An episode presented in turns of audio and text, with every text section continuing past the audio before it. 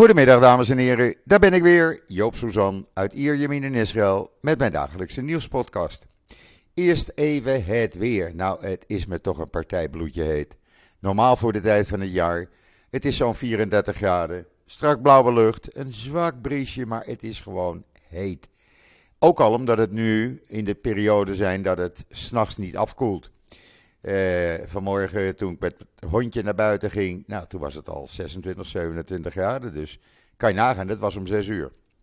Maar goed, het is de tijd van het jaar en het hoort erbij. En we klagen niet, want het is zo lekker om in je korte broekie en je t-shirtje te lopen. Ja, wat ook in de tijd van het jaar uh, erbij hoort, de kwallen zijn er weer.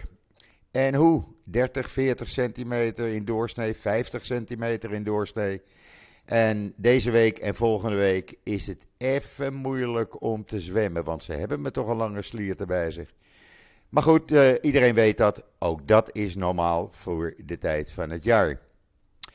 En dan eerst COVID. Ik heb niet de laatste cijfers. Ik heb de cijfers tot gisteravond uh, half zeven, om precies te zijn, vijf voor half zeven. Uh, ja, het, uh, het blijft nog steeds stijgen. Gisteravond tot vijf voor half zeven, 6.882 nieuwe besmettingen. Er zijn nu bijna 102.000 mensen die met COVID thuis zitten.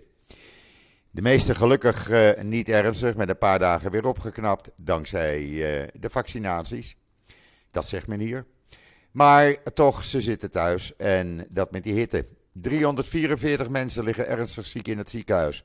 58 van hen kritiek, 47 van hen zijn aan de beademing. Wat verontrustend is, is het hoge percentage positief getesten.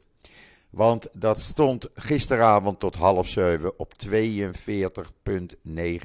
procent. En dat is hoog, dat is echt hoog. Ik hoop dat als later vandaag de cijfers tot en met gisteravond 12 uur komen, dat het dan iets gedaald is. Het R-cijfer staat nog steeds op 1,07. Ja, en dan heeft ook de minister van Gezondheid, van Volksgezondheid, zich erin gemengd. We hebben al de spotjes op televisie en radio elke keer. En hij zegt nu ook: mensen, eh, draag als je in een winkelcentrum of in een kantoor of in een hal bent, draag alsjeblieft een mondmasker. Nou, dat doen we dus. Ik heb hem gewoon in mijn broekzak uh, zitten, zal ik maar zeggen. En dan de IDF. Die heeft bekendgemaakt hoe het kwam dat die Atalef-helikopter op 3 januari dit jaar plotseling neerstortte.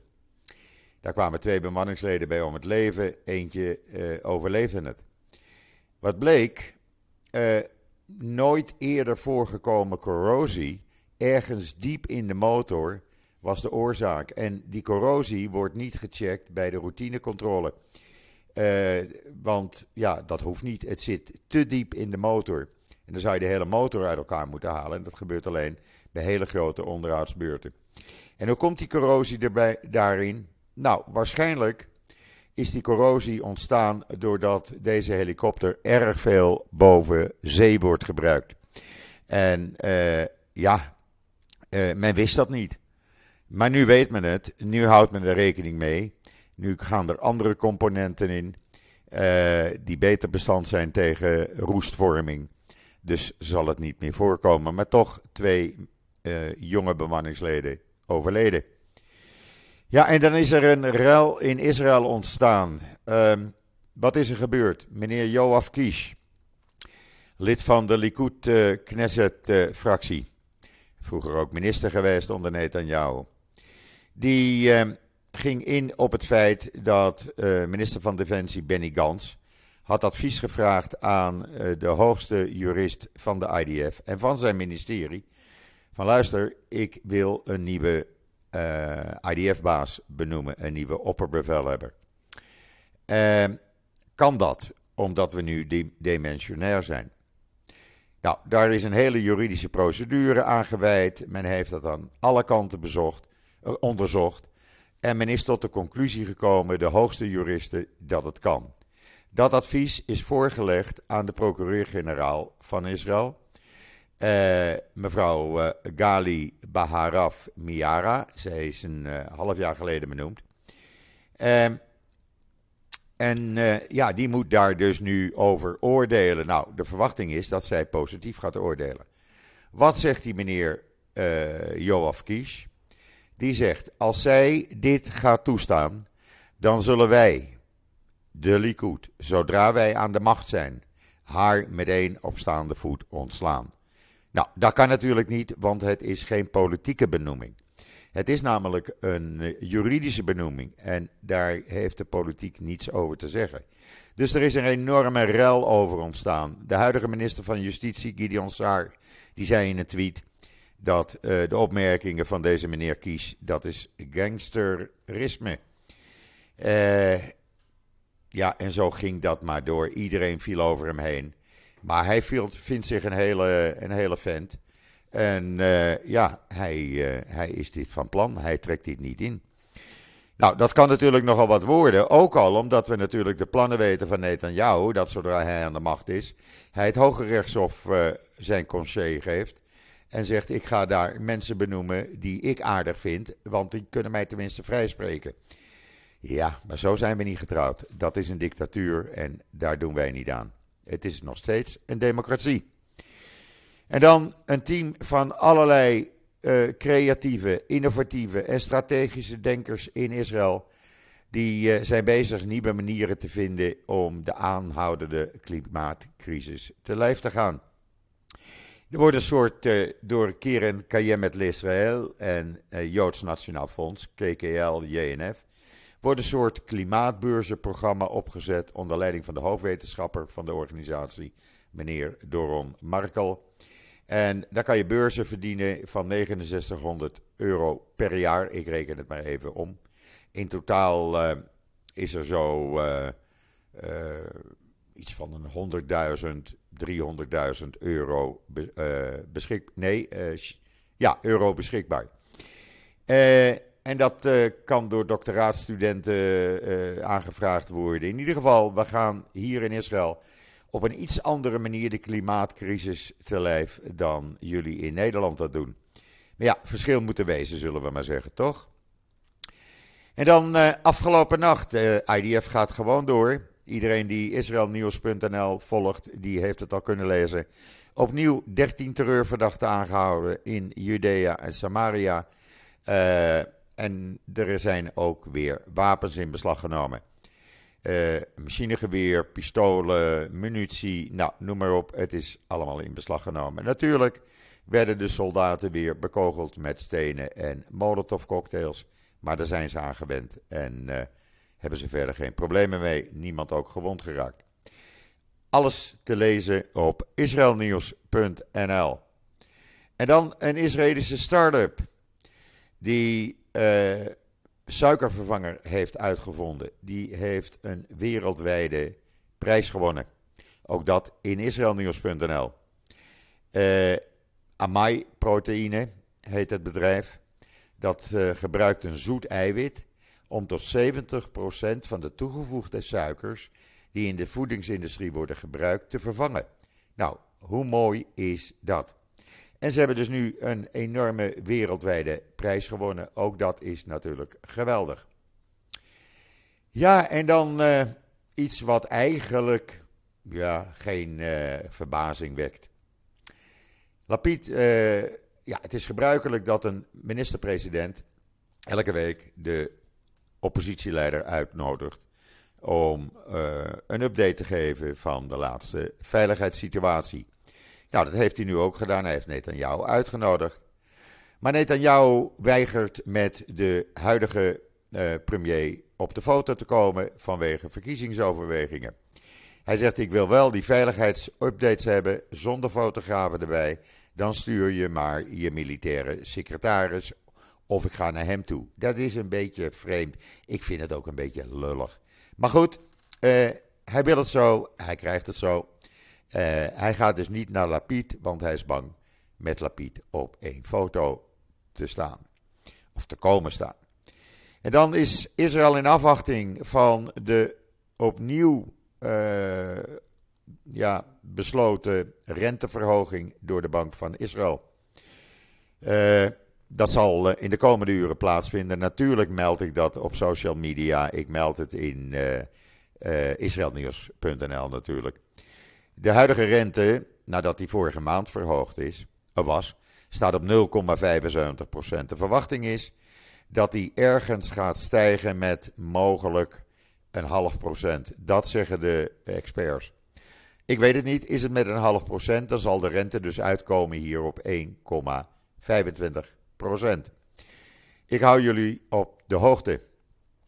Dan heeft de IDF bekendgemaakt dat ze vooraf uh, voldoende informatie hadden over die uh, Hezbollah-drones, of raketten, zo je het noemen wil, die richting dat Karis gasveld werden gestuurd afgelopen zaterdag. Even een slokje water, want Joop krijgt een droge keel. Ze hadden voldoende informatie om het te laten mislukken. En de boodschap aan Hezbollah is ook: je kan doen wat je wil, wij houden jullie in de gaten. Daar is Hezbollah, nogmaals, ik heb het gisteren ook al gezegd, helemaal niet blij mee. Te lezen in The Times of Israel. En dan vonden pro-Palestijnen in Canada, tijdens Canada Day, uh, in Ontario het nodig om op vrijdag koosjere winkels, Joodse winkels te gaan blokkeren, zodat de Joodse mensen van die uh, regio, die konden geen uh, kosher voet kopen. Ja, dat is echt respect hebben voor een ander zijn geloof. Natuurlijk gingen Joden ook demonstreren, want die pikten dat niet. Je kan het lezen op, in de Jeruzalem Post. Er zit ook een klein Twitter-videootje bij. En dan opvallend hier in Israël. Het afgelopen half jaar een 72% stijging van autodiefstallen. Ik weet niet hoe dat in Nederland is, maar hier is het met 72% gestegen. En waarom? Niet omdat ze nou per se die auto's nodig hebben. Nee, ze hebben de onderdelen nodig. Want er is wereldwijd blijkbaar een ernstig, ernstig tekort aan auto-onderdelen, aan reserveonderdelen. Dus wat ga je dan doen? Dan ga je maar een hele auto eh, stelen. Dat maakt niet uit, Die, eh, daar kom je wel weer vanaf. Uh, bovenaan de lijst van gestolen voertuigen over dit eerste half jaar. 44% van de gestolen auto's waren jeeps en SUV's. 27% waren privévoertuigen. 15% motorfietsen, 9% bedrijfsvoertuigen zoals bestelbusjes, 3% vrachtwagens. En ja, ook die waren erbij. 2% van de gestolen uh, voertuigen waren vrachtauto's voor zeer zwaar materieel. Dus hou het in de gaten. En dan iets bijzonders hier in Israël. Het eerste draagmoederschap voor koppels van hetzelfde geslacht is na een succesvolle procedure in volle gang. Het embryo is overgedragen en de arts verwacht uh, trouwens dat er een tekort aan draagmoeders zal komen. Uh, omdat er voor, ja, het zijn niet zo heel veel koppels, maar ze willen toch allemaal een kindje. Dus ja, hoe we dat nou weer gaan oplossen, maar goed, voor al het probleem is een oplossing. Het is te lezen in de Engelstalige Ynet. En dan Hezbollah, ja, daar zijn ze weer. Hezbollah is helemaal niet blij met die aankomende overeenkomst tussen Israël en Libanon. Tot stand gebracht via Amerikaanse bemiddeling. Waarbij Libanon de zeegrens met Israël gaat erkennen. Hezbollah verzet zich daartegen, die pikken dat niet, die willen dat niet. En die eisen, ja, ze eisen van de Libanese regering deze overeenkomst niet te tekenen. Nou, Libanon gaat dat wel doen, want Libanon is al zo goed als bankroet. En eh, meer ellende kunnen ze er niet bij hebben. En dan de kogel. De kogel. Ik zei het gisteren al. Die is, uh, u weet wel, de kogel die de uh, Al Jazeera-journalisten een paar maanden geleden doodde. Die is dan eindelijk onderzocht door de IDF met specialisten. Men is het nu aan het uitwerken. En spoedig, misschien vandaag, misschien morgen, is er bekend, komt hij uit een IDF-wapen, door, afgeschoten door een Israëlische soldaat, of niet. Men heeft een wapen op het oog, maar daarvoor had men de kogel nodig. De kogel is inmiddels weer aan de Palestijnen teruggegeven. En de IDF is open en eerlijk zodra het bekend is. En of het nou een IDF-wapen is of niet, ze zullen zeggen, ze zullen laten blijken welk wapen het is. En dan voor de tweede keer in een paar dagen is er weer een toerist voor de Egyptische Rode Zeekust door een haai gedood. Ja, het is er niet te geloven. Afgelopen vrijdag een vrouw uit Oostenrijk van 69 uh, of 68. En nu was het een uh, Roemeense man die uh, door een haai werd gedood. dat is gisteren gebeurd. Je gaat toch maar niet meer de Rode Zee in dan. En dan president Zelensky. Hij is erg blij met de uitspraak van het Israëlische Hoge Rechtshof. Die zegt dat Israël moet toestaan alle Oekraïne, Oekraïnse vluchtelingen, ook als ze niet Jood zijn. Ze mogen hier gewoon een bepaald aantal maanden uh, doorbrengen. Nou, Zelensky is erg blij met deze uitspraak. Uh, want de minister van Binnenlandse Zaken had een quotum goedgekeurd van 5000 mensen. Nou, dat wordt nu geschrapt. Het gaat dus om uh, ja, tienduizenden mensen kunnen het zijn. En die kunnen maximaal drie maanden conform de bezoekovereenkomst tussen Jeruzalem en Kiev, of tussen Israël en Oekraïne, gewoon hier blijven. Hoe mooi is dat? En dan heeft Turkije een Russisch schip geënterd en opgebracht vol met graan. Want volgens Oekraïne was dat schip gejat door de Russen. En eh, op verzoek van Oekraïne is dat schip nu in een Turkse haven. En daar ligt hij dan voor anker in de haven Karasu. 1 kilometer van de kust. En dan waren gisteravond duizenden mensen in Tel Aviv bij elkaar. Want ja, de huizenprijzen, ik heb het al vaker gezegd, ze reizen de pan uit. Een normaal uh, een student, een normaal iemand kan eigenlijk geen huis uh, meer kopen. Helemaal niet kopen. Laat staan huren. Uh, want die huren reizen ook de pan uit. Dus men is met duizenden mensen gaan demonstreren. Hopelijk, hopende dat Lapid hier iets aan gaat doen. En laten we hopen dat hij wat gaat doen, want het kan echt niet zo, mensen. Het kan gewoon niet. En dan 83% van de Israëlisch-Arabische homoseksuelen durft er niet voor uit te komen. Het gaat om ongeveer 100 tot 125.000 Israëlische Arabieren. Ze zijn bang voor wraak van familie. Ze zijn bang voor wraak van vrienden. En ze blijven maar in de kast. Terwijl juist de Israëlische vereniging van homoseksuelen wil dat ze er vooruit komen. Maar ze doen het niet en dat is jammer. Weer een slokje water, sorry.